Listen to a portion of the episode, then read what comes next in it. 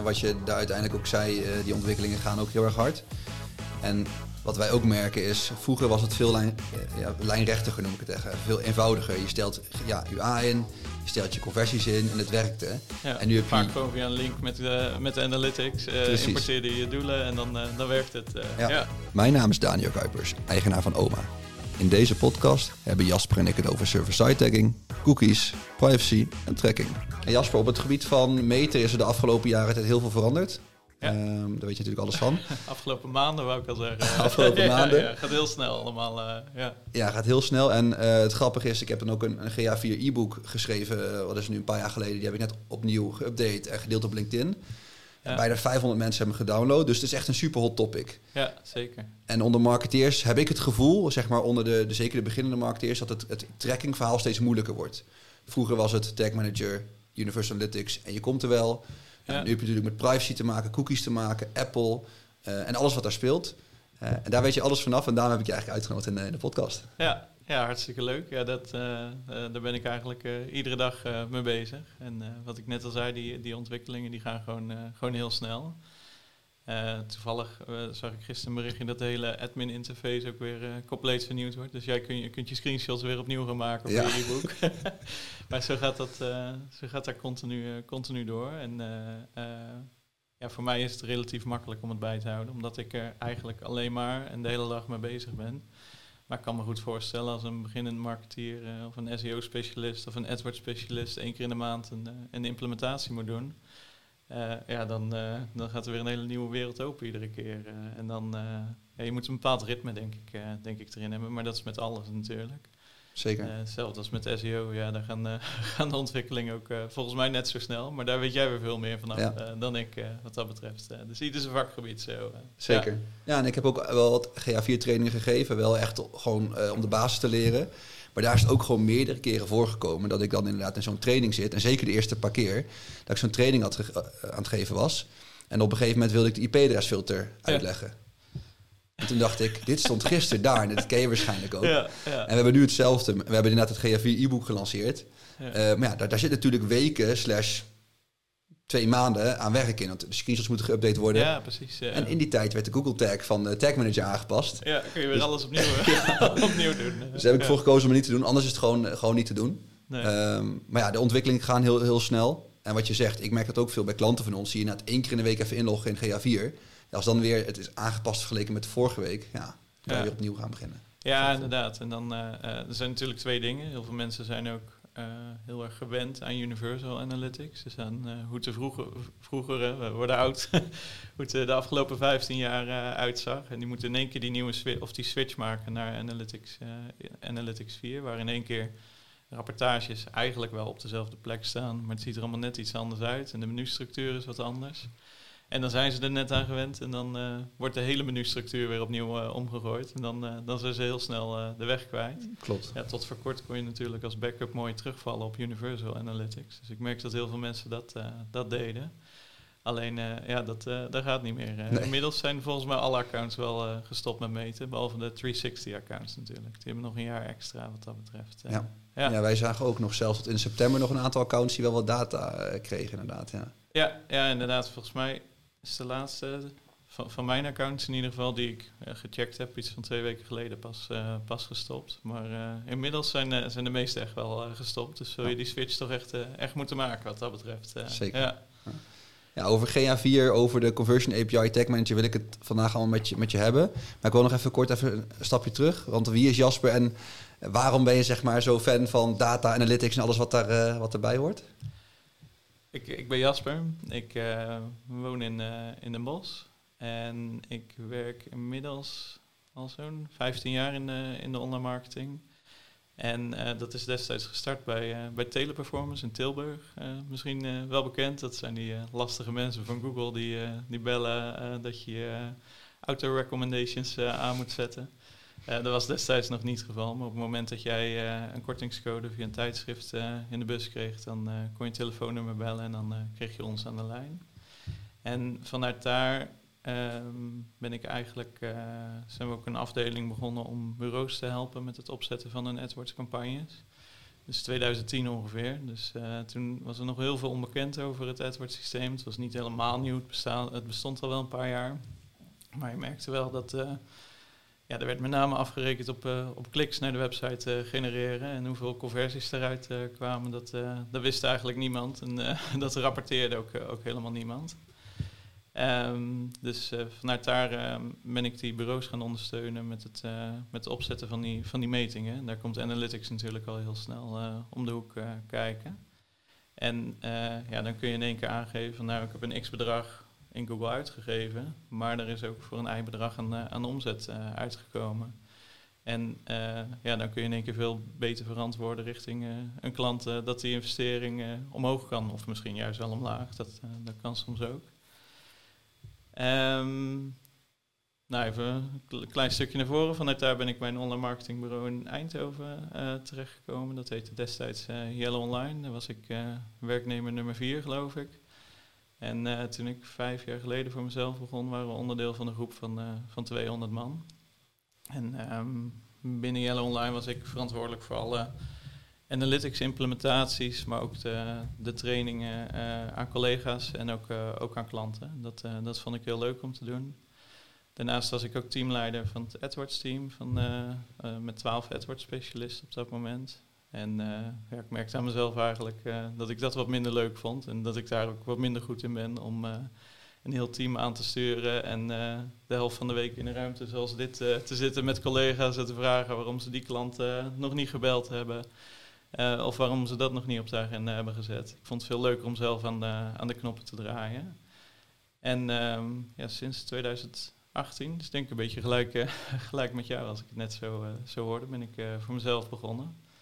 Dat uh, hebben mijn vrouw en ik in eerste instantie gecombineerd met de wereldreis. Dus we zijn uh, een jaar op reis geweest en vanuit daar kon ik uh, voor de klanten die ik in de avonturen en in het weekend bediende, kon ik, ja, kon ik ook wat extra werken daar op reis en, en ook wat extra inkomsten genereren.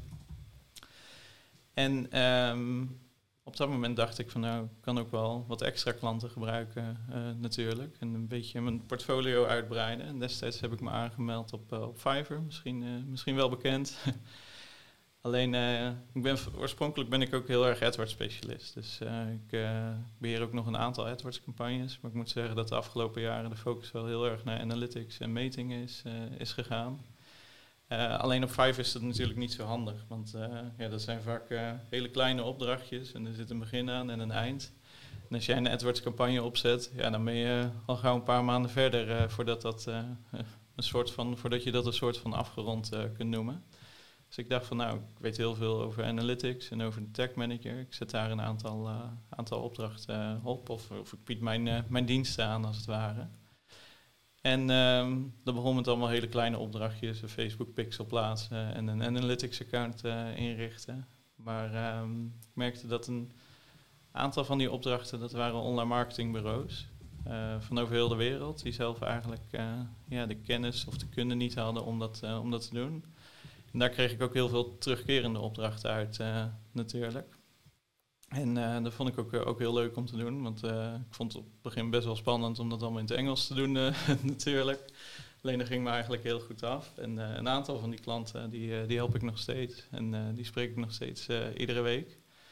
En toen, ik, toen wij terugkwamen van onze wereldreis, kon ik mijn agenda vijf dagen in de week vullen. En ja, heb ik een kantoortje in een bos gehuurd en werk ik nu, nu vanuit daar. En... Um, ja, dat, uh, dat bevalt heel goed. Um, verder, uh, ja, op dit moment help ik dus bedrijven van over heel de wereld. En dat kunnen eindklanten zijn, maar ook bureaus. Werk ik ook heel veel mee samen. Volgens mij jullie ook, als ik het uh, net zo, zo ja. hoorde. Um, met het opzetten en inrichten van eigenlijk alle tracking-gerelateerde zaken. dus het kan analytics zijn, Facebook Pixel, Pinterest, TikTok, Bing. Uh, alle pixels die je in wilt stellen, die, uh, daar help ik, uh, help ik bij. En dat is nogal veranderd in de afgelopen nou, pak een beetje twee jaar. Zeker met alle iOS-updates waar je het net al over had, ja, is er steeds minder mogelijk. En um, ja, is het niet meer vanzelfsprekend dat je rapportages voor 95% kloppen. En dat, dat maakt het soms, soms wel lastig, maar zorgt er ook voor dat iedereen heel creatief is in het zoeken van, van bepaalde oplossingen. En je ziet ook allerlei, allerlei tools de, de grond uitstampen, die, of de grond uit, uitkomen die, die oplossingen hiervoor bieden. En dat is ook wel heel leuk om, uh, om dat allemaal uit te proberen en om te kijken hoe het werkt. En dan zie je dat de ene tool weer net wat beter werkt dan de andere tool. En dat verschilt natuurlijk ook weer uh, per klant. Um, dat is eigenlijk uh, ja, heel erg in het kort waar ik me de afgelopen vijf jaar mee bezig heb gehouden. Ja. ja. Ja. en wat je daar uiteindelijk ook zei, die ontwikkelingen gaan ook heel erg hard. En wat wij ook merken is, vroeger was het veel lijn, ja, lijnrechtiger, noem ik het echt, veel eenvoudiger. Je stelt ja, UA in, je stelt je conversies in en het werkte. Ja, en nu heb vaak je... gewoon via een link met, uh, met de analytics uh, importeerde je doelen en dan, uh, dan werkt het. Ja. ja. Ja, En in, inmiddels is het gewoon het aantal unassigned is hoger dan normaal. het überhaupt het aantal wat je kan meten. Ik heb ook het gevoel dat het, het cross-device ook veel meer een ding aan het worden is dan zeg maar vijf jaar geleden. We hebben sommige klanten waar mensen op tv of via PlayStation de website bezoeken. Dus het wordt, het, wordt, het wordt veel diverser. En daarom merk ik ook, en dat, dat merk ik bij ons ook, maar ook hoe vaak wij ook jou ook hebben gevraagd. Want je helpt natuurlijk ook ons met specifieke klanten. Er wordt ook steeds meer, zeker vanaf een bepaalde grootte, wordt het interessant om server-side tracking in te stellen. Om eens te kijken naar tracking en dat soort dingen. Ja, precies. Er zitten wel ook altijd wat, wat kosten aan verbonden. Want ook die tooltjes waar ik het net over had, die moeten uh, ook hun rekeningen uh, betalen. Maar uh, op het moment dat, ja, dat dat dusdanig veel extra inzichten oplevert, dan, dan is dat het al heel snel, heel snel waard. Maar dan moet je niet op een zolderkamertje tien, tien orders in de maand binnenkrijgen. Want dan is die toegevoegde waarde gewoon, gewoon heel laag. Klopt. Ja. Dan kan je een paar van die tools noemen, want ik wil graag de podcast zo relevant mogelijk maken. Ik, ik, heb er zelf natuurlijk ook een paar, maar ik ben benieuwd naar, jou, naar jouw Ja, je hebt natuurlijk de, de standaard oplossingen om server-side tracking in te stellen via een, een server tag manager container. Dat is eigenlijk de oplossing van, van Google zelf ook daarin merk je dat er weer partijen en slimme jongens zijn die, die daar ook weer oplossingen voor, voor creëren. Je kan bijvoorbeeld zo'n server zelf bij Google opzetten, binnen de Google Cloud omgeving. Um, maar je hebt ook Steep bijvoorbeeld, die dat voor, jou, voor jou kan doen. En die zijn weer net wat goedkoper. Um, een Nederlandse tool is ook uh, Taggers. Die zijn een, volgens mij een half jaar geleden ongeveer uh, begonnen. En uh, ik moet zeggen, werkt erg goed. En ik, ik heb er geen aandelen in, maar ik gebruik Affiliate het link in de reacties. ja. Nee, ik, het, het, werkt erg goed. En het voordeel daarvan vind ik dat het ook meteen op Nederlandse servers staat. Dus je weet zeker dat, dat, dat jouw eigen data ook hier in, in Nederland blijft. Terwijl dat bij sommige andere partijen via India of via Amerika gaat. Kijk, uiteindelijk komt je data in Amerika uit, omdat je het in analytics uh, opslaat. Alleen uh, de weg er naartoe uh, is ook wel wat waard ja. wat dat betreft. En ik weet nog ook dat jij, nou, een, van, een van onze eerste klanten waar ook server-side tagging ook voor geïnstalleerd hebben, samen ook met, met jou. Ja. Um, ik weet ook dat Steep een van de belangrijke toen was, was een van de ja. eerste ook. Alleen wat mijn argument toen was, en ik, ben me er nu niet op vast. Maar wat ik lastig vond, dus ik was in die week ook research aan het doen. Ja. En, en nou, eh, wij hebben ook contacten met data uh, specialisten, security officers. Ja. Ja, en daar zag ik wel dat Steep letterlijk in één of twee weken... Nou, ik had dat zelf gezien en met Wayback Machine... dat ze eerst in Kiev zaten, toen in Dover en toen in New York. New York. Ja, en toen dacht die ik ook van, die zijn een paar keer aangepast. Ja, en, toen dacht ik ook van, oh, dat, is, dat is tricky. Als je op de Teams-pagina kijkt, dan zie je dat het uh, zeker geen Amerikanen zijn, ja. zeg maar.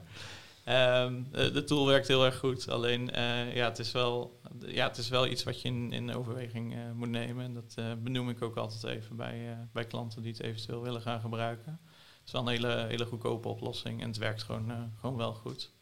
maar mijn voorkeur gaat toch eigenlijk vaak wel uit naar Nederlandse partijen. Omdat je dan ja, zeker weet dat die data hier in, in Nederland blijft. En het scheelt een paar euro per maand. Dus dat is ook, ook niet de moeite. Um, met die server-side tracking uh, zorg je ervoor dat je, ja, dat je data net wat vollediger is. Dus dat eigenlijk je pixels gewoon vanuit je eigen domein uh, ingeladen worden. En je kunt natuurlijk ook de conversion API via je Analytics 4 uh, pixel instellen. Dat is misschien een beetje technisch voor, voor iedereen, maar daarmee zorg je ervoor dat uiteindelijk in Facebook je metingen significant omhoog gaat. Dat is eigenlijk de voornaamste reden om, uh, om dat te doen. Omdat die iOS of omdat iOS-systemen de Facebook Pixel heel veel, uh, heel veel blokkeren. Um, behalve, behalve die oplossingen zie je ook dat er steeds meer um, ja, tools komen die eigenlijk de hele tech manager voor jou overnemen, om het zo even te zeggen. dus die gaan eigenlijk ook weer tussen jouw website en de advertentieplatformen in zitten. om een beetje even bij zijn naam te noemen. Tracestock bijvoorbeeld is een Nederlandse tool, dus ondertussen onderdeel van, van CM. Um, maar je hebt ook GoConverge, dat is een Amerikaanse partij die door drie Belgen is, is gestart, heb ik begrepen. Um, maar je hebt ook allerlei Indische tools en Amerikaanse tools. Het Triple Whale is ook iets wat veel bij Shopify-klanten gebruikt wordt. Um, onlangs heb ik ook een aantal implementaties met Profit Metrics gedaan. Dat is ook een erg mooie tool, die komen uit Denemarken, geloof ik. En um, wat zij eigenlijk doen is ook veel zaken aan hun kant uh, weer aan elkaar knopen. Dus op het moment dat jij uh, nu, we gaan het heel vaak over iOS en Apple hebben vandaag, maar op het moment dat jij op een iPhone in Chrome een product in je winkelmandje legt en je rekent af, dan word je door, doorgestuurd naar de, naar de bank, naar de Rabobank of naar de ING. En dan uh, word je daarna doorgestuurd naar uh, de bedankpagina. En in heel veel gevallen, of dat is eigenlijk altijd de standaard browser die iOS uh, daarbij opent. En in heel veel gevallen is dat um, Safari. Um, op het moment dat jij een product in Chrome in je winkelmandje hebt gelegd, dan wordt daar die cookie geplaatst, die wordt gegenereerd. En op het moment dat jij vervolgens in Safari de bedankpagina opent, dan wordt die transactie wel gemeten. Uh, maar dan zie je in één keer dat er heel veel transacties uh, als direct verkeer gemeten worden, omdat Analytics geen idee heeft ja, waar die bezoeker vandaan is gekomen. Zo'n tool zoals TraceDoc die kan dat oplossen en zij koppelen eigenlijk dat winkelmandje aan die transactie. En dan zorgen ze ervoor dat dat ja, door middel van het juiste sessie-ID toch aan elkaar gekoppeld wordt. En dan worden je rapportages in één keer weer als van ouds. Uh, uiteraard met de nodige op- en, op- en aanmerkingen. Maar dat zorgt er wel voor dat je een veel vollediger beeld hebt. Um, ik vraag me altijd wel af, als een tool van een hele slimme jongen in Nederland dat, dat kan, dan moet Google dat volgens mij zelf ook kunnen. Maar wie weet komen ze binnenkort wel met een update en is dat binnen Analytics ook gewoon, ook gewoon mogelijk. Ja, ja daar, daar ben ik ook heel erg benieuwd naar. Dat was ook een van de vragen die, die ik voor jou nog had. Dus ja, hoe zien we de toekomst van GA4 in? Want ik heb wel het gevoel dat Zeker als je even terug gaat naar de tijd dat GA4 werd gelanceerd. Uh, een paar jaar geleden inmiddels. Wat is het? Twee jaar geleden zoiets? Tweeënhalf? Ja, het heette eerst nog Analytics voor web en app. Hè? Dus ja. uh, ik denk dat het al vier, vier, vier en half jaar uh, terug is ja. dat die gelanceerd werd. Ja, dat, dat, is een wereld van verschil hoor. Zeker. Dat was zeker op het begin echt wennen met alles wat op een andere plek zat. Maar als je ook ziet wat er toen stond en wat er nu stond, vind ik, vond ik het wel echt een half product. En ook bij de grotere accounts, want dat is natuurlijk wel waar we het over hebben. Kijk, als jij een webshop hebt inderdaad met 10 producten of 10 verkochte producten per dag, dan heeft het geen zin om hiermee bezig te zijn. Nog niet. Nee. Maar als je inderdaad voldoende volumes draait, ja, dan, dan moet je er wel naar kijken. Ja, dan moet je erop kunnen vertrouwen. Dat is uh, iets wat bij heel veel ondernemers volgens mij nog niet altijd uh, het geval Klopt, is. Ja. Uh, omdat ze de, de, data die ze zien niet, uh, niet helemaal, uh, helemaal vertrouwen. ja. Klopt, dat is wel een van de argumenten die ik wel het meest hoor over GA4. Van ja, kan ik het dan inderdaad wel vertrouwen? Want de eerste is het vertrouwen alleen al weg. Ja. ja dan inderdaad werk je met zo'n server-side tagging optie of oplossing. Maar daarna heb je ook nog gevraagd, ja, klopt het nu inderdaad wel? En ik heb ook soms dat de attributie nog steeds niet helemaal 100 is. Maar dan ben ik ook benieuwd hoe jij dat ziet. Ja, ik, uh, ik zie dat het bij een, een, heleboel partijen wel goed gaat en dat het er allemaal, allemaal goed uitziet. Maar ik kan je ook voldoende voor de, voorbeelden noemen van uh, partijen waarbij we een onderbuikgevoel hebben dat het niet klopt, maar waarbij we eigenlijk zeker weten dat het, uh, dat het niet klopt. Single-page applications bijvoorbeeld worden nog niet helemaal lekker gemeten en dan met name qua, qua attributie. Ook daar zijn wel uh, partijen voor die daar oplossingen voor bieden. Maar zo zie je dat, uh, ja, dat dat soort toeltjes gewoon heel snel in dat soort uh, gaten springen. en ook zij moeten testen. Dus ook dat werkt nooit helemaal, helemaal perfect. Um, ik, ik, ben het helemaal met je eens dat Analytics 4 zeker twee jaar geleden een half product was. Ik ben ook wel ervan overtuigd dat Google zich dat ook beseft. En uh, ik, volgens mij voor Universal Analytics was er één keer per kwartaal een update in de afgelopen jaren. En op dit moment voor Analytics 4 is er drie keer per week een update. We hadden het er net al eventjes over. Nu, op dit moment uh, wordt het hele beheerdersmenu uh, omgegooid. Ja, dat kan van de een op de andere dag kan dat in één keer doorgevoerd zijn. En ze zijn er gewoon heel hard mee bezig om dat, om dat wel in orde te maken. Ehm, ja, sommige dingen werken nog niet helemaal goed. Uh, ik heb het idee dat, ze daar wel, uh, dat dat wel goed gaat komen. Alleen uh, ja, dat heeft vaak wel even tijd nodig. dat, is, dat is lastig uit te leggen, ook richting klanten natuurlijk. Ja. aangezien Google de afgelopen maanden nogal wat uh, mailtjes naar uh, iedereen heeft gestuurd dat je over moet stappen op Analytics 4. En uh, gigantische pop-ups op het scherm heeft gezet met een grote countdown timer uit het jaar nul. dat, je, dat je over moet stappen. ze hebben die urgentie heel hoog gemaakt, maar sommige dingen moeten echt nog, echt nog afgemaakt worden. Waaronder ook, maar dat is misschien een beetje te technisch, maar het measurement protocol bijvoorbeeld werkt ook volgens mij nog niet, nog niet helemaal lekker. Ik zie daar soms nog hele rare resultaten terugkomen. Ja. Ja, zeker. En het mooie is van wat je wel net, net zei, is dat nou, jij bent iemand die er elke dag mee bezig is. Maar als, als data specialist, als SEO specialist of als, als marketeer zijnde, als je er ook echt daadwerkelijk elke dag in werkt, dan krijg je dat heel snel mee. En dan is het wel voor mij makkelijker om een voorsprong uh, te krijgen. Want als je er elke dag mee bezig bent en je zit met een marketingmanager aan tafel en er zitten meerdere partijen bij betrokken, en als jij de persoon bent die het altijd maar wel weet, ja. dan scoor je wel punten mee. Ja, ja, of als je inderdaad zo'n sessie ingaat van luisteren, ik ga zo dadelijk uh, linksonder op dat wieltje klikken. De, de beheerdersomgeving is anders. Dat, dat merk ik wel. Um, je, kan, je kan door up-to-date te blijven wel heel veel makkelijker een voorsprong bereiken.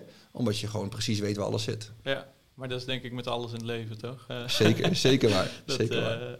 Uh, zo gaan die dingen. Ja, dan, en daarom heb ik nu ook wel de keuze gemaakt voor mezelf in ieder geval om ja, voor 70% van mijn tijd op analytics uh, te focussen, omdat ik dat gewoon heel leuk vind. Maar omdat ik ook ja, up-to-date wil blijven. En uh, ik wil niet uh, dat als ik nou ja, met Tom in een call zit, dat Tom mij moet uitleggen waar, waar die knoppen in analytics zitten.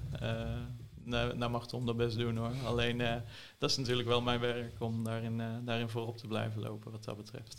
ja. Zeker. En heb je daar voor jezelf ook personen of kanalen die je volgt? Want Ehm, ik weet nog dat toen ik, uh, nou, toen GA4 uitkwam, vond ik het heel moeilijk om handleidingen te vinden over hele basale dingen zoals hoe voeg je iemand toe. Dus daar heb ik ook best wel wat content over geschreven. Ja. Nou ja, natuurlijk uh, ja, best wel zoals Measurement School, Analytics Mania. En je hebt ook, uh, ik ben even zijn naam kwijt, die uh, Italiaanse kerel. Ja, Matteo heet hij, ja. geloof ik. ja, Ik heb zelf voor mezelf een soort, ja, dat zijn ongeveer vijf GA4 influencers voor mij, want die zijn altijd kortst op de bal. Is dat ook, zijn dat ook de mensen waar je inspiratie aan uithaalt? Want als jij bijvoorbeeld een hele dag een training geeft uh, nou, je komt s'avonds thuis. Ja, dan open je natuurlijk LinkedIn even of je opent je mail even. Dan heb je vaak wel één of twee mensen waar je je informatie van aan had. Is dat, zijn dat voor jou ook die mensen? Of? Ja, zeker. Uh, ik denk dat Simo Ahava kan ook nog wel aan dat rijtje toegevoegd worden. Die uh, zit natuurlijk ook heel erg op de tech manager. Uh, maar ik merk dat tech manager en analytics 4 toch wel hand in hand gaat. omdat ja, heel veel instellingen die je in analytics doet, stel je uiteindelijk in de, in de tech manager in. Um, Christa Seiden is ook iemand die, uh, die je zeker aan het lijstje kan toevoegen. Zij heeft uh, uh, vroeger voor Universal Analytics heeft ze altijd alle video's opgenomen bij, bij Google. Inmiddels is ze voor zichzelf begonnen, maar ik zag laatst dat, dat ze ook weer ingehuurd is om de video's voor Analytics 4 op te nemen. zij heeft ook een hele, hele course heeft online staan. Net als de andere namen die je net, net noemde van Lost Data, Measurement School. Daar kun je natuurlijk ook een, een, cursus ook afsluiten als je, dat, uh, als je dat wilt. Moet je wel de discipline hebben om overal doorheen te lopen. Lijkt me wel heel lastig voor die mensen uh, om die cursussen te maken. Want je moet continu al je materiaal blijven daten wat dat betreft. Het is een dagtaak. Ja, ja inderdaad. en dan moet ik wel... Julius, Julius Fedorius, zo heet hij geloof ik. Had je die al genoemd of niet? dat is ook, nee, ja, klopt. Die volgt deelt ook, ja. deelt ook heel veel informatie altijd. En... Um, ja, wat ik, wat ik merk is, er is ook een, een Measure Slack kanaal. Ik weet niet of je, of je, dat, uh, of je dat kent. Um, maar daar wordt ook heel veel op, op gedeeld, maar daar kun je ook, uh, kun je ook vragen stellen. En uh, daar reageert een Simo persoonlijk op, op je vragen. En dat is wel heel leuk om te zien. Dat geeft toch een beetje community gevoel. En dat vind, vind ik wel heel leuk om te zien. Voor mijn gevoel was dat er tien jaar geleden wel. In de tijd van, van Google Plus nog. Hè. Toen, toen zat iedereen uh, daar en, uh, en, stelde iedereen daar vragen. Dat, ja, dat is natuurlijk Google Plus is verdwenen, maar dat gevoel was een beetje weg. Maar ik merk in zo'n Slack-kanaal dat mensen elkaar, uh, ja, elkaar helpen en, en, vragen stellen en, en naar oplos oplossingen zoeken. En dan krijg je toch een beetje dat community gevoel. ook met alle LinkedIn berichten die gepost wordt, heb ik best wel het idee dat het, dat het leeft op dit moment. Maar dat komt ook omdat er zoveel vragen zijn natuurlijk.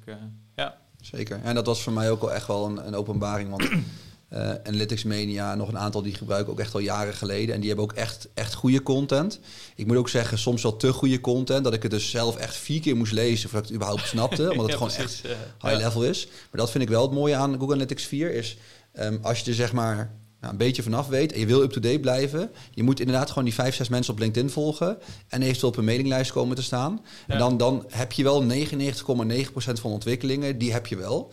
En dat, dat heb je niet... updates uh, ja, uh, zitten uh, posten ze binnen een uur op, op LinkedIn, zeg maar. Dus je bent altijd up-to-date. ja. ja. En denk, dat heb je nou voor Google Ads heb je natuurlijk ook wel, maar voor SEO... Kijk, het is, SEO en Google Ads vind ik ook wel meer een stukje creativiteit, die komen naar voren. En bij GA4, zeker qua updates, is het redelijk, redelijk zwart-wit. Um, dus het is heel technisch, hè? het werkt of het werkt niet. ja, dat klinkt misschien simpel, maar dat maakt het voor mij soms ook wel simpel. ja. Klopt. En hoe vind jij dan die verandering van, van Google Analytics 4 en Tag Manager de afgelopen jaren? Vind je dat positief? Vind je dat niet positief? Um, ja, wat vind jij er persoonlijk van? Nou, ik, zei net al, ik, ik vind het soms heel lastig om uh, ook richting klanten uit te leggen. Ik bedoel, naar, naar iemand met kennis van zaken is het makkelijker om het uit te leggen, omdat diegene ook uh, ja, de achtergrond kent en uh, weet wat er ongeveer speelt allemaal met, met cookies die gaan verdwijnen en dat soort zaken. Met sommige ja, hele brede marketeers die, die, die bij klanten werken, ja, die zijn heel erg gewend dat alles online, online meetbaar is. En ja, dat, dat is het soms niet helemaal meer. En die komen met vragen die ik soms ook niet, niet helemaal uit kan leggen. Of ik kan het wel uitleggen, alleen ik kan niet het antwoord geven wat zij graag willen horen natuurlijk. En dat maakt het soms, soms lastig. Um, alleen ja, je, je, kan er ook heel weinig aan doen. Behalve dan ook heel veel met de tools experimenteren die ik, uh, die ik net noemde. En kijken hoe je toch ervoor kan zorgen dat, dat je een zo volledig mogelijk beeld krijgt. Alleen we zullen eraan moeten wennen dat, ja, dat niet op alles altijd een antwoord is in de komende jaren. En ik ben ook wel benieuwd in welke kant het op gaat hoor. Um, Google is natuurlijk heel erg aan het inzetten op de verbeterde conversies. Hè. Die, die zijn ze er heel erg door aan het pushen. Daar heb ik de afgelopen maanden in één keer heel veel uh, aanvragen ook voor binnen gekregen om dat, om dat in te richten. Waarbij ze de conversies proberen te matchen op basis van de NAW-gegevens van een, van een gebruiker. Um, nu ja, vind ik het altijd een beetje. Ik weet niet zo goed hoe ik daar qua privacy in moet staan, laat ik het zo zeggen. Om e-mailadres, telefoonnummer en adresgegevens zomaar door te sturen richting Facebook of, of Google. Um, maar ik heb het idee dat Facebook en Google wel heel erg die kant op gaan. Ook met dat, ik weet even niet precies hoe het heet, maar dat Ad Center wat ze afgelopen week aangekondigd hebben ja, gaat het eigenlijk alleen maar om, om gebruikersdata. En ja, volgens mij was dat nu het hele idee van de cookies, dat we daar juist vanaf wilden.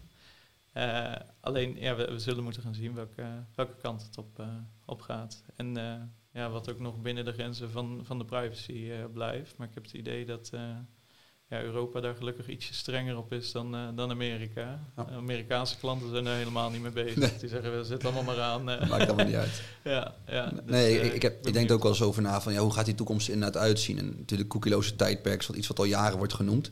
Uh, maar ja, er zijn zoveel verschillende tools en oplossingen. En het was zelf, laatst was ook weer zo'n gerucht, of misschien was het helemaal geen gerucht over dat de UTM's misschien kwamen te vervallen. Ja, ja. Maar er was ook al binnen een uur alweer een oplossing voor. Ja. Um, en dat, dat vind ik wel lastig. Is Um, het is ook zo onvoorspelbaar. En, en, dat merk je wel met UA. Wist je gewoon, oké, over twee jaar heb ik die data nog.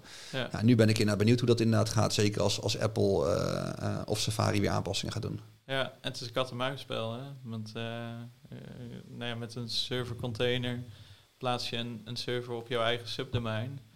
En denk je voorlopig al je data te kunnen meten. En vervolgens zegt Apple van ja, we gaan ook net IP-adres kijken. En kijken of dat binnen dezelfde IP-range valt. Uh, ja, dus dan moet je daar weer oplossingen voor gaan verzinnen. En zo, zo, blijft dat een beetje doorgaan. Ja, maar volgens mij weten wij allebei en de rest van de wereld ook niet precies waar we over vijf jaar staan. Dus ik heb ook zoiets van, we zien het allemaal wel.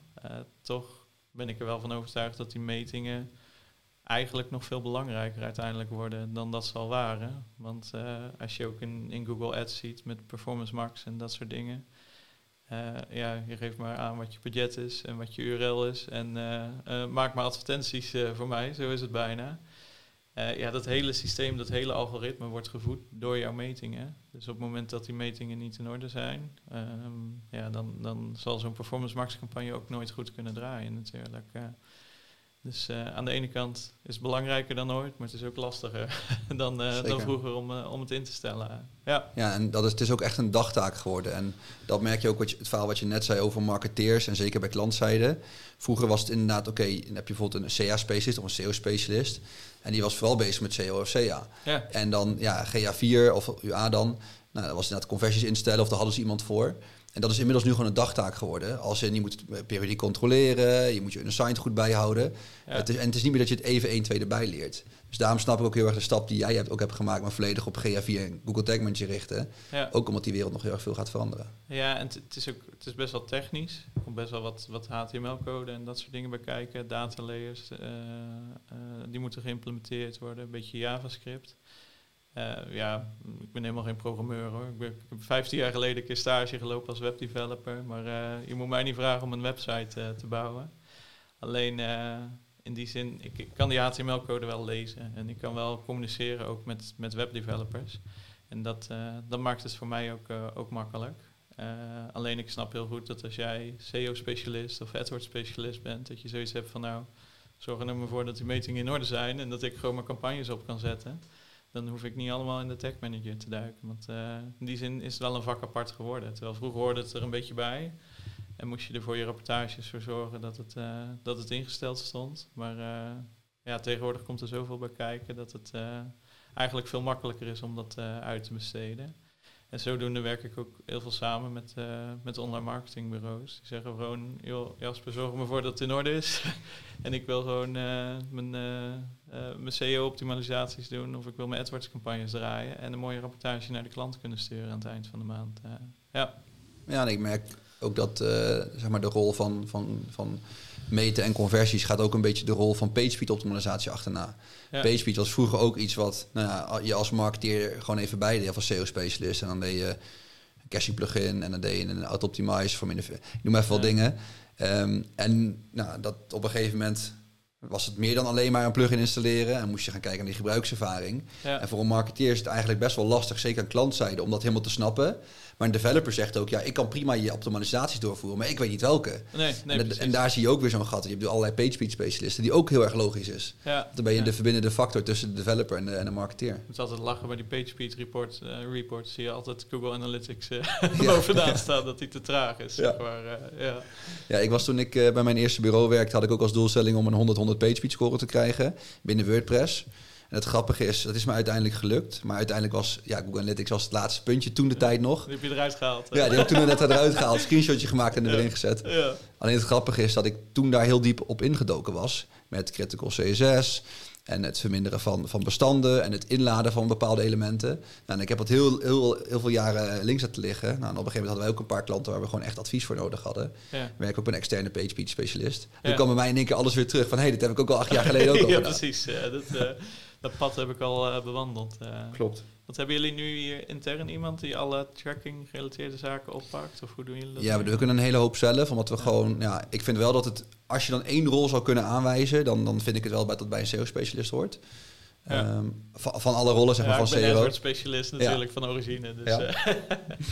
en um, en het voordeel is ook dat, kijk, ik ben van oudsher, ben ik ook, vind ik best wel technisch. Ik vind het ook leuk. Dus ik heb, ik heb heel Daar veel. past dat wel bij natuurlijk. Uh, ja. en bij ons zie je ook gewoon, een Ton die heeft ook gewoon heel veel, die is van origine ook SEO-specialist, is nu ons teamlead, dus die weet ook heel veel. Ja. Um, dus we merken dat het wel, wij zijn een bureau wat ook, ook technisch mee kan praten. Dus ik wil ook dat het team kan meepraten met ja, developers. Dat is fijn. Ja. En ik heb zelf ook bij bureaus gezeten waar dat niet zo is, dat het vooral ja, een contentbureau is. Ja. Uh, dus we doen het vooral veel in in-huis. Uh, maar we hebben ook inderdaad gewoon specialisten, inderdaad, zoals jij, waar we gewoon mee op terugvallen als we die hulp nodig hebben of de capaciteit hebben. Maar dat is ook, dat is ook perfect. Hè? Maar uh, ik zit er ook niet op te wachten om voor jullie iedere analytics implementatie te doen. Daar heb ik de tijd helemaal niet voor.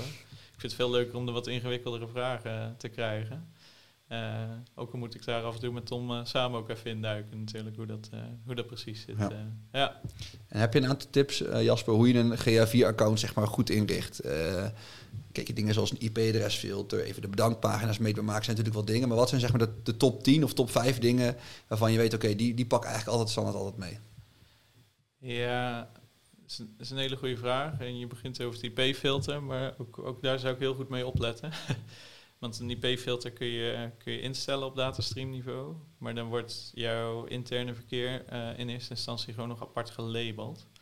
Uh, dus dan kun je het wel uitfilteren, alleen het wordt nog niet uitgefilterd. Uh, dat doe je dan weer in een ander menu, acht klikken verderop. Hem activeren. Ik hoop dat het in de nieuwe interface dadelijk een stuk, stuk duidelijker is. Alleen, ik, heb, ik heb het wel eens gehad, zeker op het begin. ja, ik moet natuurlijk ook achterkomen hoe dingen werken. En daarin gaan ook af en toe dingen fout. En toen zei een, wel een klant op, hij zegt, je hebt toch mijn IP-adres uitgesloten? Ik zeg, ja, klopt, dat heb ik vorige week gedaan. En hij zegt, ja, ik ben met een nieuwe pagina bezig en uh, die ben ik helemaal aan het, uh, aan het designen en aan het doen. En die bezoek ik heel vaak. En ik zie hem bovenaan in Analytics staan als ik naar de data van de afgelopen dagen kijk. Ik zeg, ja, ik heb hem echt uitgesloten. Maar toen bleek dat inderdaad het filter nog niet geactiveerd was. Dus, dus checkt hij altijd. Maar een, top 5, ja, het allerbelangrijkste is natuurlijk om, om je doelen gewoon, gewoon in te stellen. En om ook te kijken van nou, wat, wat wil ik nou dat een bezoeker bij mij op de website uh, doet. En probeer daarin niet alleen in een contactformulier of een aankoop te denken. Maar ook in stappen die daartussen kunnen, kunnen zitten. Bijvoorbeeld het downloaden van een brochure of een klik op een e-mailadres, een klik op een telefoonnummer, dat soort, dat soort zaken. Um, zorg ervoor dat je dat, dat je dat meetbaar maakt. En dat je die aantallen ook af en toe eens vergelijkt met wat er daadwerkelijk binnenkomt. Op het moment dat jij in analytics ziet dat er tien contactformulieren ingevuld zijn, dan moeten er ook tien contactformulieren in jouw mailbox zitten. En dat vergeten mensen soms, soms nog wel eens. En dan heb je een, een network specialist die, die heel fijn een x aantal conversies rapporteert, terwijl die uiteindelijk in de mailbox niet binnengekomen zijn. Of juist andersom, eh, je rapporteert niks, maar er zijn heel veel mailtjes in één keer, in één keer binnengekomen. Dus zorg ervoor dat je op die data kunt, kunt vertrouwen. En um, Google die meet een, heel groot aantal zaken standaard. Hè? Dus uitgaande kliks worden standaard gemeten.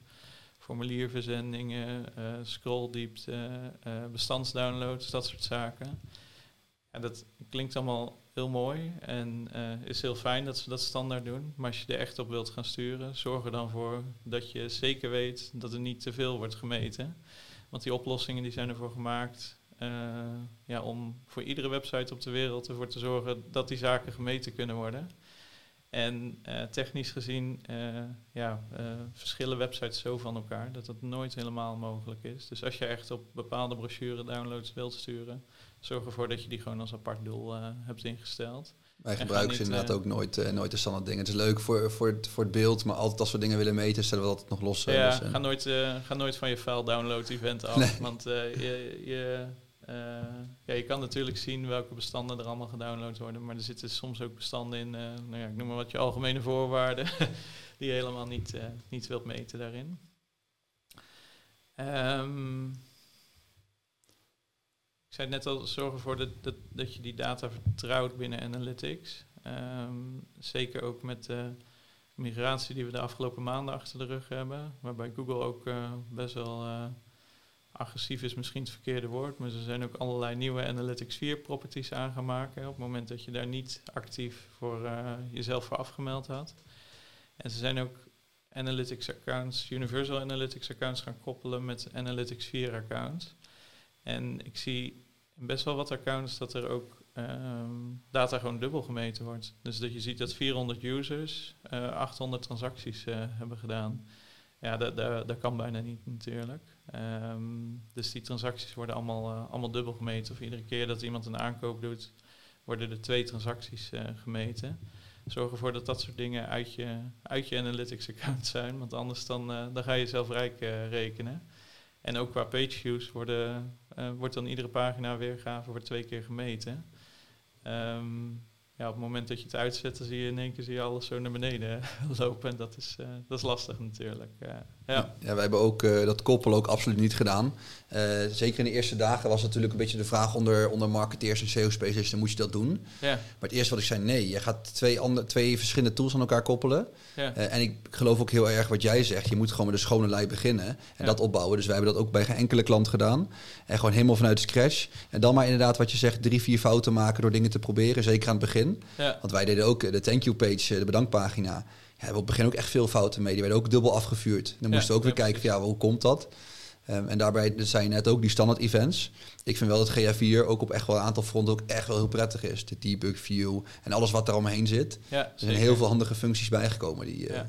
Ja, zeker. Het is uh, niet alleen kommer en kwellen. En ik ben, uh, mensen vragen het ook aan mij van wil je terug naar de oude versie van Analytics? Ja, ik, geef op dit moment iedere, iedere week een training en ik ben er zo aan gewend aan de nieuwe interface dat als je mij nu de oude zou geven, dat ik ook weer even zou moeten uh, wennen. Dus uh, zodra het goed werkt, dan, uh, dan is het ook een hele, hele fijne tool. Dan kun je alles, alles er ook uit, uithalen. Um, maar zolang het goed werkt en zolang je op die data kunt vertrouwen, dat is denk ik het allerbelangrijkste. Ja. En je noemde net natuurlijk een aantal ja, B2B conversies eigenlijk. Het klikken op telefoonnummer, brochure download, contactformulier, offerte aanvragen. Ja. Uh, je zei net al even snel tussen neus en lippen een data layer. Um, zou jij eens uit willen leggen hoe je voor een webshop eigenlijk heel eenvoudig um, dat goed koppelt? Want daar heb je net een data layer voor nodig om je omzet terug te zien. Zou je dus gewoon zonder al te technisch zeg maar, uit willen leggen hoe je dat, hoe je dat doet? Ja, het is, het is eigenlijk ook heel erg afhankelijk van uh, welk CMS-systeem uh, welk CMS je gebruikt of welk webshop-systeem je gebruikt. Dat is ook altijd op het moment dat een nieuwe klant mij belt, de eerste vraag die ik, uh, die ik heb. heb je een Shopify-shop, Lightspeed, Magento, PrestaShop, WooCommerce? ik heb inmiddels alles voorbij zien komen. Um, is namelijk zo dat er een, uh, ik zal zo in de basis uitleggen hoe dat, uh, hoe dat werkt. Uh, alleen er zijn een aantal uitzonderingen op, zoals bijvoorbeeld Shopify en, en Lightspeed. die zijn heel laat gekomen met hun GA4-integratie. Ik geloof een maand voor, voor de deadline kwamen ze in één keer met, met een GA4-functionaliteit. Um, maar, maar die werkt uiteindelijk best wel goed. En uh, dan kun je zeggen van ja, ik wil alles via Tag Manager uh, inladen. Ik ben zelf Tag Manager specialist, dus je raadt al waar mijn voorkeur uh, naar uitgaat. Um, maar dan ben je gewoon heel veel tijd kwijt om dat in te richten, terwijl die standaard integratie best wel, best wel goed werkt. weet dat er ook voor al die andere platformen over het algemeen plugins beschikbaar zijn, die ervoor kunnen zorgen dat zo'n data layer juist geplaatst wordt. Uh, dus bijvoorbeeld voor PrestaShop, maar ook voor Shopware en Magento en WooCommerce. Uh, zijn, er, zijn er Tag Manager plugins, dan laat je het wel via Tag Manager lopen. Uh, beschikbaar die de juiste informatie op het juiste moment naar Analytics kunnen sturen. Of eigenlijk naar je Tag Manager. En vanuit de Tag Manager stuur je door naar, naar Analytics. En wat betreft de e-commerce tracking, om dat in te richten. Wat de e-commerce tracking eigenlijk is, is um, je zorgt ervoor dat je um, in analytics ook gaat meten welke producten er precies verkocht zijn. En wat de omzet is die daar, uh, die daar tegenover staat. En eigenlijk nog veel belangrijker, want deze gegevens kun je nog wel uit, jou, uh, uit je eigen webshop systeem halen. Uh, maar je kunt ook gaan rapporteren waar die omzet precies vandaan gekomen is. Dus is die bezoeker uit Facebook gekomen? Of hoeveel omzet heeft mijn Google Ads campagne afgelopen maand uh, opgeleverd? Dat soort gegevens kun je met e-commerce tracking inzichtelijk maken. En dat werkt natuurlijk veel fijner dan uh, meten hoeveel transacties er precies uitgekomen zijn. Want kan, uh, dat kan een transactie van een tientje zijn of een transactie van 1000 euro. En dan is die rekensom met jouw AdWords kosten in één keer, in één keer heel anders natuurlijk. Um, om dat in te richten, um, moet je eigenlijk op het moment dat iemand een aankoop heeft gedaan, moet je het kassabonnetje doorsturen naar Analytics. Uh, en dat doe je door middel van, uh, van zo'n data layer waar we het net al over hadden. Een data layer is een stukje, stukje JavaScript code wat de webbouwer kan, uh, kan toevoegen. En um, ja, daar staat letterlijk in wat de transactie-ID is geweest, wat de orderwaarde is geweest, de verzendkosten, BTW, uh, en welke producten er verkocht zijn voor welke prijs. En op het moment dat die gegevens doorgestuurd worden naar Analytics, komen ze netjes in je e-commerce uh, rapportages uh, terecht. En kun je daarop op rapporteren. Ehm, dat werkte ook al zo in de oude versie van, van Analytics. Dus in Universal Analytics werkte dat op precies dezelfde manier. Ook door middel van een data layer. Alleen de layout van die data layer is net even iets aangepast. Het, met de overstap naar Analytics 4. En inmiddels zijn alle systemen wel over. Um, maar in sommige gevallen was het in het verleden nog wel eens nodig om uh, die datalayers uh, om te bouwen, zo noem je dat, in, uh, in de Tag Manager. Dus dan zorgde je ervoor dat eigenlijk de Universal Analytics data layer compatible gemaakt werd met die van, van GA4. Google heeft er nu ook een functionaliteit voor. het is gewoon een vinkje in de Tag Manager. En dan zorg je er ook voor dat die, dat die data layers werken. Um, dat zorgt ervoor dat je omzet kunt gaan meten en rapporteren. Uh, daarvoor zitten vaak nog heel veel, uh, nog heel veel stappen. Uh, bijvoorbeeld als iemand een product bekeken heeft, of als iemand een product toegevoegd heeft aan zijn winkelwagen, ehm, als iemand zijn adresgegevens ingevuld heeft en zijn betaalgegevens in gaat vullen. Die zaken kun je ook allemaal door middel van zo'n zo'n datalayer kun je die plaatsen. de webbouwer kan dat voor je doen, of je kunt een plugin gebruiken die compatible is met, jou, met jouw systeem. Um, over het algemeen gaat mijn voorkeur uit naar zo'n plugin, omdat daar een heel team achter zit wat die plugin ook, ook onderhoudt. Maar in sommige gevallen is dat niet mogelijk. En dan ja, zal de, data, of, de developer aan het werk moeten. ja. ja, en bij die laatste, in principe als een, een data layer staat, dan staat hij. Alleen, wij hebben dat ook, dat ook wel gemerkt. Dus het gaat vaker fout als hij zelf wordt ingebouwd. Ja. En wat ik ook merkte, maar dan ben ik ook heel benieuwd naar jouw visie. Ik merkte ook dat een data layer inbouwen ook voor een developer ook niet geen gesneden koek is. Um, weinig, er was altijd weinig kennis over. Dan moesten wij eerst in sessie met ze hebben, oké, wat is een data layer, hoe werkt zoiets? En dan pas konden ze het inbouwen. En ik merk dat dat nu wel wat meer geaccepteerd is, maar wat is dat, anderhalf, twee jaar geleden? Vond ik dat nog heel erg mee. Ja, is, is ook mijn ervaring hoor. En ik, het verschilt natuurlijk ook heel erg per developer. Uh, de een die heeft het letterlijk binnen een kwartier uh, geïmplementeerd en de ander is er uh, ook letterlijk drie weken mee bezig. En alles, alles ertussenin. Um, ik denk dat het belangrijk is om in ieder geval gewoon heel duidelijk en heel concreet aan te geven uh, wat je precies wilt en, en hoe die datalayer geplaatst uh, moet worden. Ik heb ook wel eens een, uh, een voorbeeld datalayer doorgestuurd uit de blog van Simo. Die heeft een, heel, eigenlijk de, een hele bijbel online staan met al die, al die datalayers. En uh, toen was hij letterlijk was die zo op de bedankpagina geplaatst. Dus uh, toen uh, had iedereen een aantal demo-producten gekocht volgens Analytics. dus zorg ervoor dat je, dat je daar heel duidelijk in bent en dat je ook echt uitlegt van nou, alle gegevens die op een kassabonnetje komen te staan, die moeten hierin komen. Dus de transactie die is niet een vaste waarde, maar is de waarde van de transactie die op zo'n moment plaatsvindt. En dat klinkt heel logisch, maar dat is wel een knop die af en toe even, even omgezet moet worden. Ja. En daarom gaat mijn voorkeur er ook altijd naar uit om even met een, uh, een developer, al is het een kwartiertje, even te bellen. Dan kan ik precies laten zien wat ik, uh, wat ik wil. Uh, vaak via schermdelen natuurlijk. En dan ja, zorg je ervoor dat het, het proces wel aardig versneld wordt over het algemeen. ja. Zeker. je zei net al even over, je hebt natuurlijk verschillende events. Dus nou, add to cart, remove from cart, add payment info, al dat soort dingen. Wat is nou het voordeel uh, van als je dat allemaal in kaart hebt gebracht? Nou, je zorgt ervoor dat je veel uitgebreidere rapportages uh, kunt, kunt maken. Want je kan in één keer rapporteren welk product heel vaak aan de winkelwagen toegevoegd is, maar uiteindelijk niet afgerekend is. En die gegevens heb je vaak in je eigen webshop systeem niet eens, niet eens beschikbaar. Sommige wel natuurlijk. Um, maar dan kun je daar ook op, op gaan filteren. En dan kun je gaan kijken van ja, ik zie hier uh, dat dit paar schoenen is 400 keer uh, aan de winkelwagen toegevoegd. Maar uiteindelijk niet afgerekend. Hoe, hoe kan dat nou precies? En dan, ja, Analytics zou je dat antwoord nooit geven. maar wat ik altijd adviseer is om te kijken naar het product, pak het product erbij. En misschien zijn de verzendkosten wel heel hoog of is die ja, ik wou zeggen niet in alle kleuren beschikbaar. Dan voeg je waarschijnlijk ook niet toe aan je winkelwagen.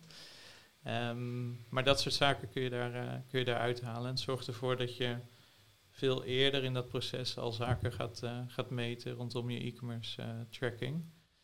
Um, voorheen kon je ook heel mooi een funneltje opbouwen. Dus kun je zien wat je gemiddelde afvalpercentage was van view item naar add to cart en van add to cart naar, naar, naar de purchase.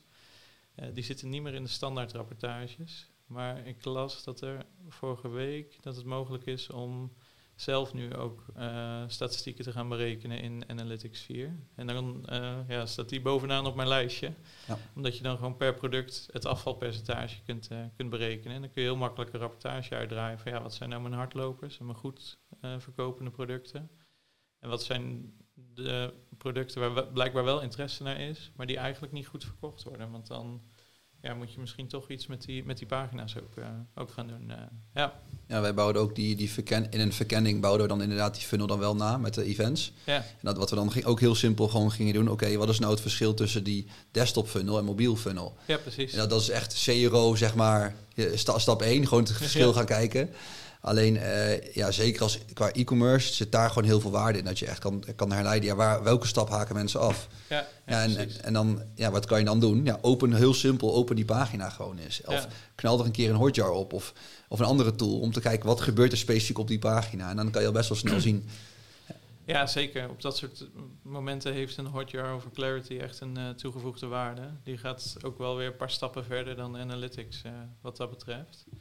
En uh, dan, dan maak je dat inderdaad inzichtelijk. En uh, mobiel is echt gigantisch. Hè? Ik, ik, heb webshops voorbij zien komen waar 90% mobiel is uh, inmiddels. En daar hadden we zes, zeven jaar geleden, toen zeiden ze iedere keer, volgend jaar wordt het jaar van Mobile mobiel. first. ja, ja, ja.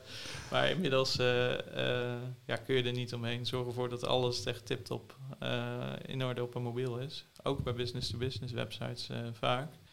Want uh, het grootste deel van je bezoekers komt gewoon via mobiel uh, binnen. Ja, ja ik, ik, zie daar nog echt elke maand ook wel fouten. En ook wel, ook wel soms bij, binnen het team, ook extern.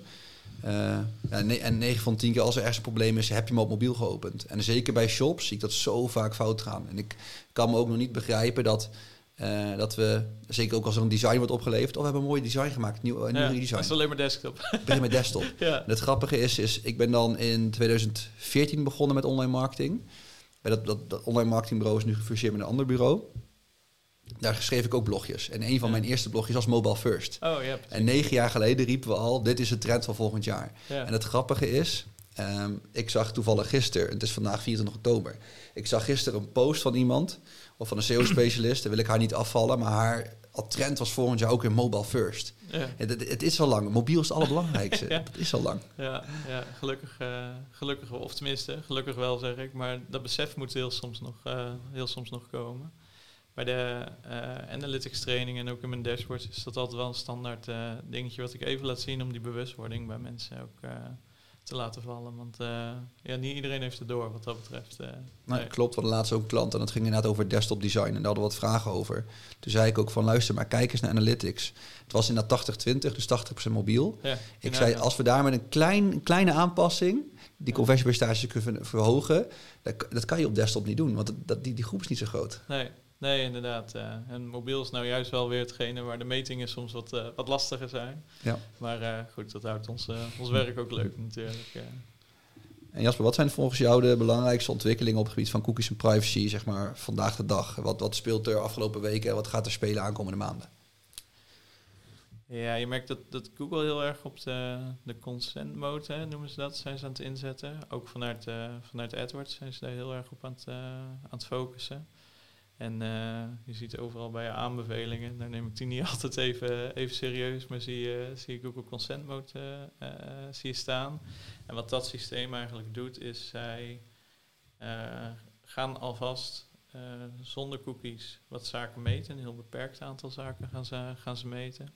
En zodra jij je cookies accepteert, dan wordt met terugwerkende kracht die sessie helemaal aangevuld met, met alle data.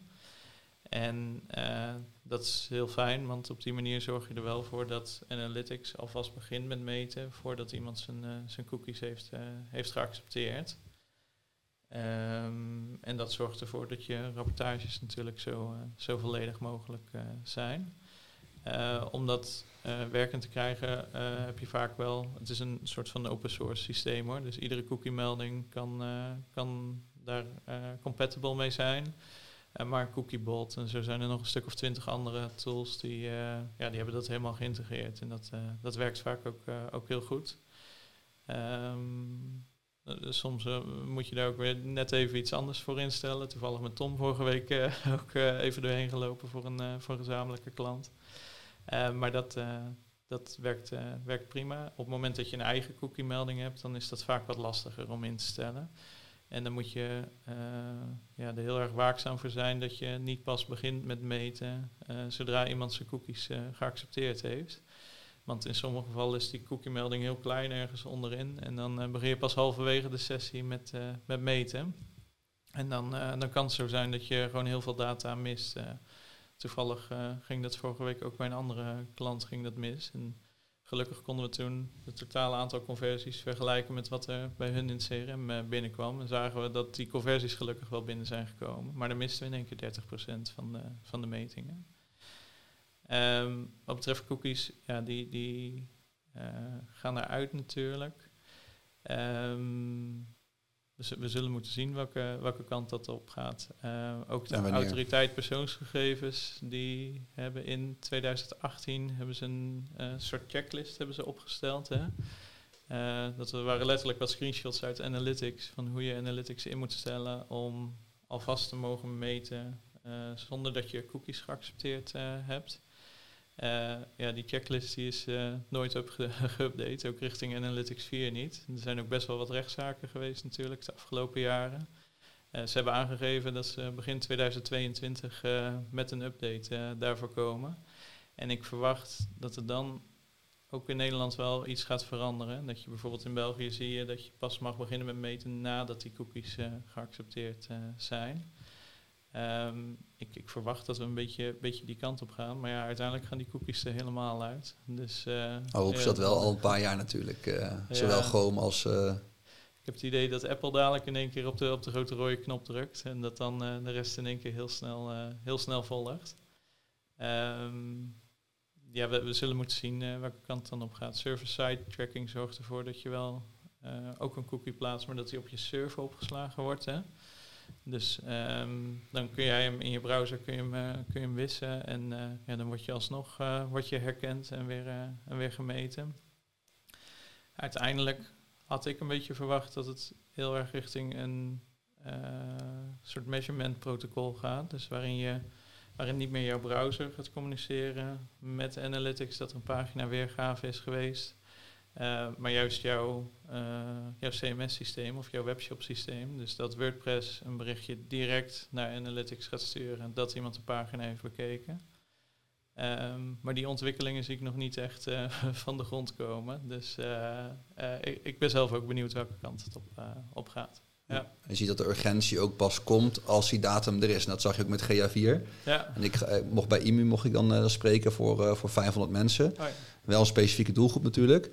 En uh, dat was uit mijn hoofd gezegd um, ehm, 30 of 30 dagen, 20 dagen voor de deadline van GA4. Ja. Nou, en ik heb daar 10 uh, SEO-tips gegeven die, die, die nog, uh, nog belangrijk zijn. Ik heb daar geen hele inspirerende talk gehouden, omdat ik het gewoon heel spannend vond om daar te staan. Dus ik heb het heel ja. dicht bij mezelf gehouden. Ja. En mijn, mijn tiende tip, want wat ik had gedaan is, hadden, er zaten 500 mensen in de zaal. 100 daarvan hadden aangegeven dat, ze, dat, ze, dat, ja, dat de gegevens gedeeld mochten worden met bijvoorbeeld met mij. Ja. Toen heb ik alle 100 accounts bekeken.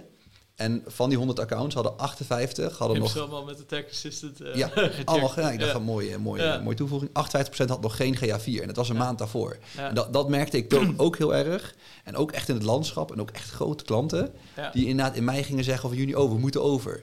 Terwijl wij hadden nou ja, GA4, volgens mij, ik, volgens mij was het januari 2021 dat het een beetje, dat het een beetje begon te lopen. Ja, precies. We hebben echt klanten die al uh, toen data hadden. En stond GA4 toen goed? Zeker niet. Nee. Waren we aan het stoeien. Maar al onze klanten die we op dat moment hadden, die hadden toen GA4 er doorheen gedrukt werd, hadden al bijna twee jaar data. Ja. En, daar, daar, en daar schaamde me ik wel een klein beetje voor, ook als ik wat zag wat andere bureaus deden.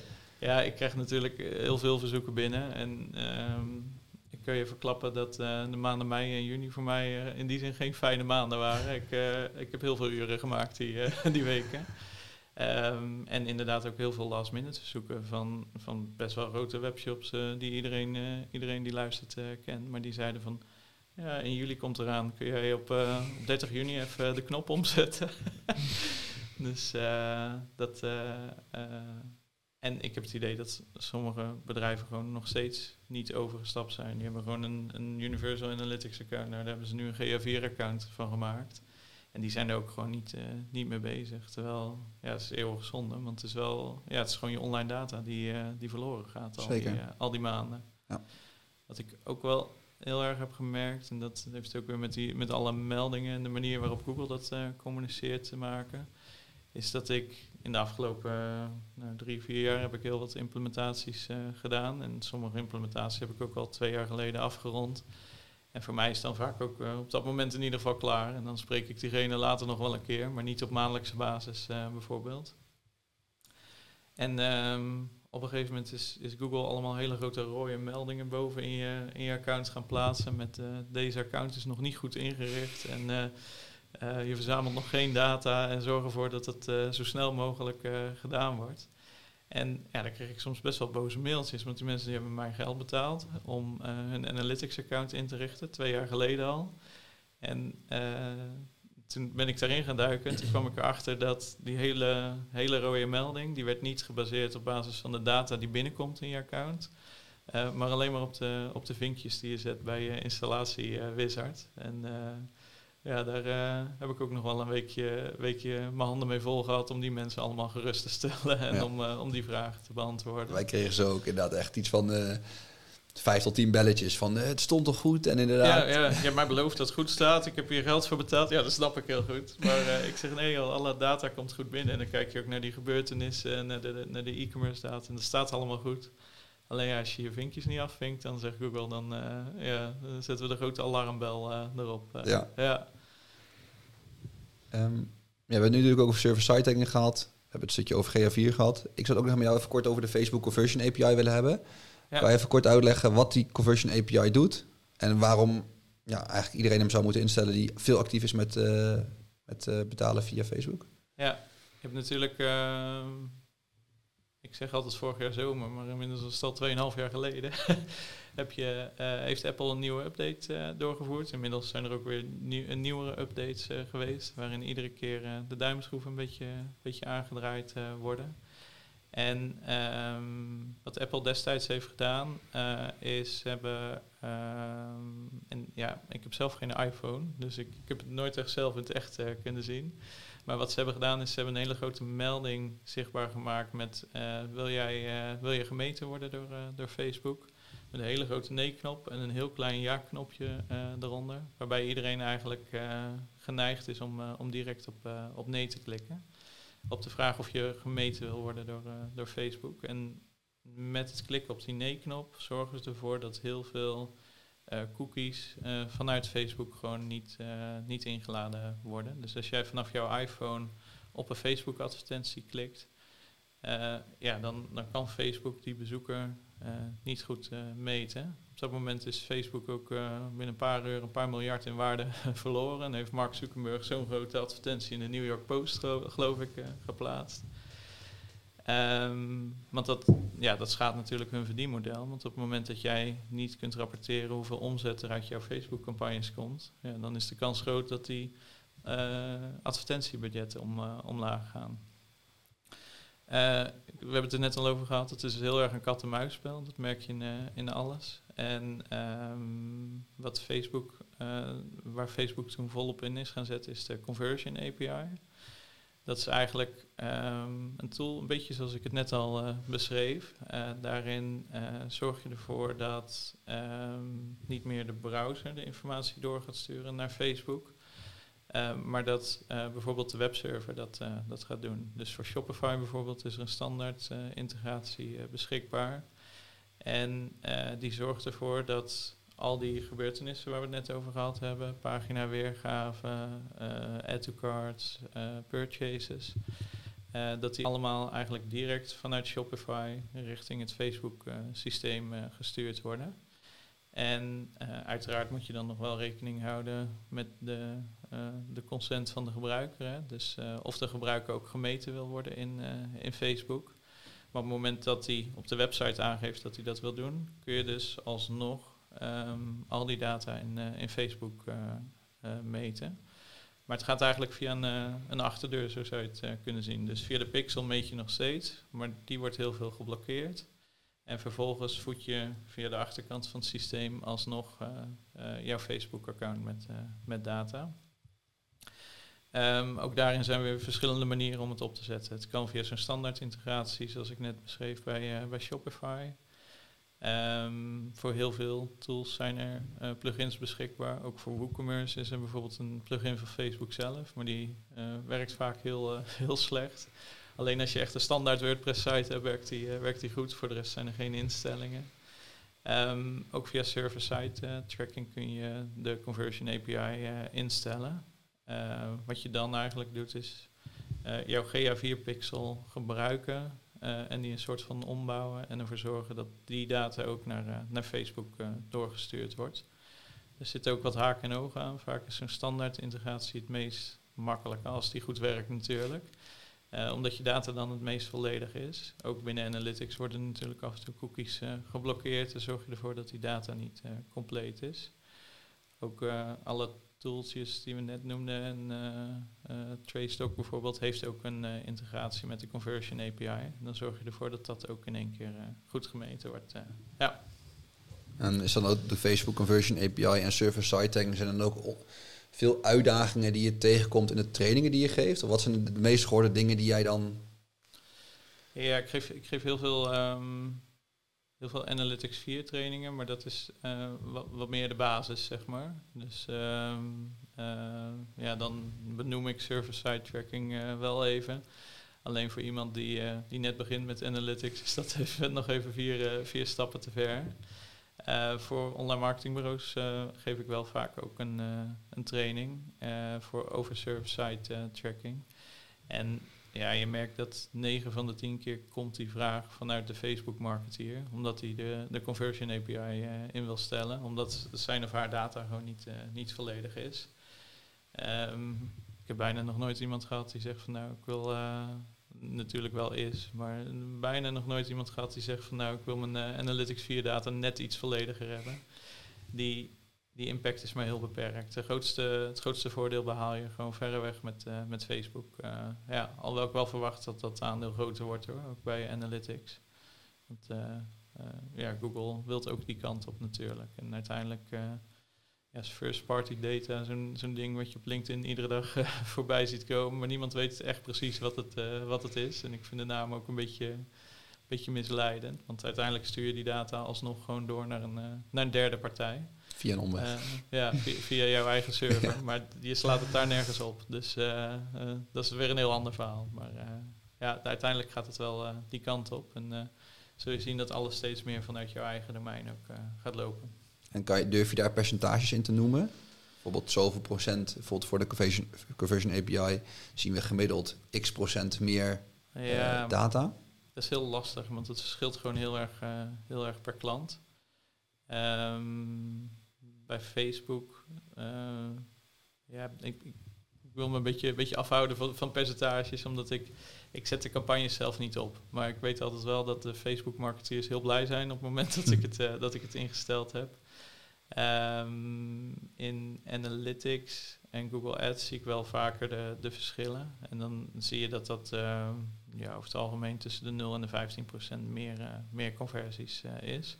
Voor Facebook ligt dat percentage dus hoger. Maar uh, de exacte percentages kan ik even niet, uh, niet noemen. Nee. nee. Maar ze zijn er altijd, uh, wat ik al zeg, erg blij mee als het ingericht is. ja. Ja. ja, en 10 tot 15 procent, nou, misschien Facebook pak je van 20 procent. Als jij naar 100.000 euro omzet draait via een specifiek kanaal, betekent dat wel inderdaad dat je gewoon 10 tot 20 procent meer kan, ja, 10 tot 20.000 euro meer kan meten. Dan. Ja, en dan levert dat zijn geld wel op wat dat betreft. Uh, want Zeker. die kosten zijn maar, ja, het is een paar tientjes vaak. Dus uh, het zijn uh, geen wereldschokkende bedragen. Zeker waar. Ja. Um, ja, de laatste vraag die ik eigenlijk de afgelopen podcast elke keer stel, gaat over AI. Want ik vind ook gewoon dat het een soort mijn verplichting is om daarmee mee bezig te zijn. Ja. En om er meer van te leren en omdat er heel veel mooie ontwikkelingen zijn. Um, zijn er ontwikkelingen binnen AI die jij implementeert binnen GA4, binnen Tag Manager? Ja, binnen, binnen Analytics iets minder. Ik merk wel dat, uh, en ik moet je bekennen dat ik er zelf niet zo heel veel mee bezig ben, maar ik vind ook van mezelf dat ik dat, uh, dat meer, zou moeten, meer zou moeten doen. Maar je merkt dat uh, zo'n zo'n ChatGPT bijvoorbeeld, die kunnen gewoon heel veel scripting ook, ook uit handen nemen. Ik zie dat een aantal mensen online ook hele Google Ads scripts maken met, met ChatGPT. Maar ik eh, eh, zag laatst ook iemand die, eh, die stuurde een heel eh, scriptje door eh, wat we even in de tech moesten implementeren. Ja, want ChatGPT zegt dat het werkt. Ehm, ja, daar ben ik altijd een beetje voorzichtig mee, want ik ben geen webbouwer. Ik kan wel heel goed met, eh, met de jongens en meiden schakelen. Alleen om zomaar een, een stukje script eh, toe te voegen aan, eh, aan een website van iemand anders, ja, dat doe ik toch liever even in overleg met, met de webbouwer. Of op het testdomein. Ja, precies. En in dit geval was het een, een datalayer die op een bepaald moment toegevoegd werd. En dat was ook nog eens de oude Universal datalayer. Dus ik heb het even via de webbouwer gespeeld. Dus eh, wat ik er meer mee wil zeggen, wees ook heel kritisch op hetgene wat, eh, wat zo'n tool eh, zegt. Uiteraard kan het je heel vaak helpen. Hè, met, op het moment dat een bepaald scriptje het even niet doet, dan, dan kun je volgens mij al vragen van, joh, wat is er fout en hoe kan ik ervoor zorgen dat dat, dat het gaat, gaat werken. Ehm, maar zorg ervoor dat je heel zeker weet dat het, dat het werkt. En daar heb je vaak toch ook even wat technische kennis, kennis voor nodig. Maar ik weet zeker dat dat dingen kan gaan versnellen in, eh, in de toekomst. En dat is alleen maar, eh, alleen maar goed natuurlijk. En, ehm, ja, en analytics zie je wel dat ze ook heel erg met AI bezig zijn. Hè. Ze willen dat heel erg integreren. Alleen veel minder dan bijvoorbeeld in Google Ads, waar een Performance Max eigenlijk alles, eh, alles opslokt en overneemt. Ehm, in analytics zie je wel dat, dat ze op basis van historische data bijvoorbeeld aanbevelingen gaan geven. En dat ze zeggen van hé, hey, ik zie dat jouw Facebook-campagne de afgelopen maand eh, veel minder op, omzet heeft opgeleverd dan de maand ervoor. Ehm, moet je daar niet eens naar kijken of moet, je, moet daar niet iets in, eh, in aangepast worden? En andersom ook gaan ze op het moment dat je voldoende data hebt, gaan ze een voorspelling doen over jouw omzet van volgende maand op basis van allerlei externe factoren. En dat is wel leuk om te zien hoe dat, eh, hoe dat die kant op gaat. Maar dat is nu nog een heel klein onderdeeltje van je, van je account. Ik verwacht wel dat dat, dat, dat groter gaat worden. Maar dat, uh, dan zullen we, zullen we moeten zien hoe dat, uh, hoe dat verloopt. Ja. Nou, daar ben ik ook heel benieuwd naar. In de, de GA-training die GA4-training die ik dan geef, dan heb ik het inderdaad over dat, uh, dat data-driven attributiemodel. Ja. En met voorspellingen. Ik denk dat, dat daar wel weer de kracht zit van GA4.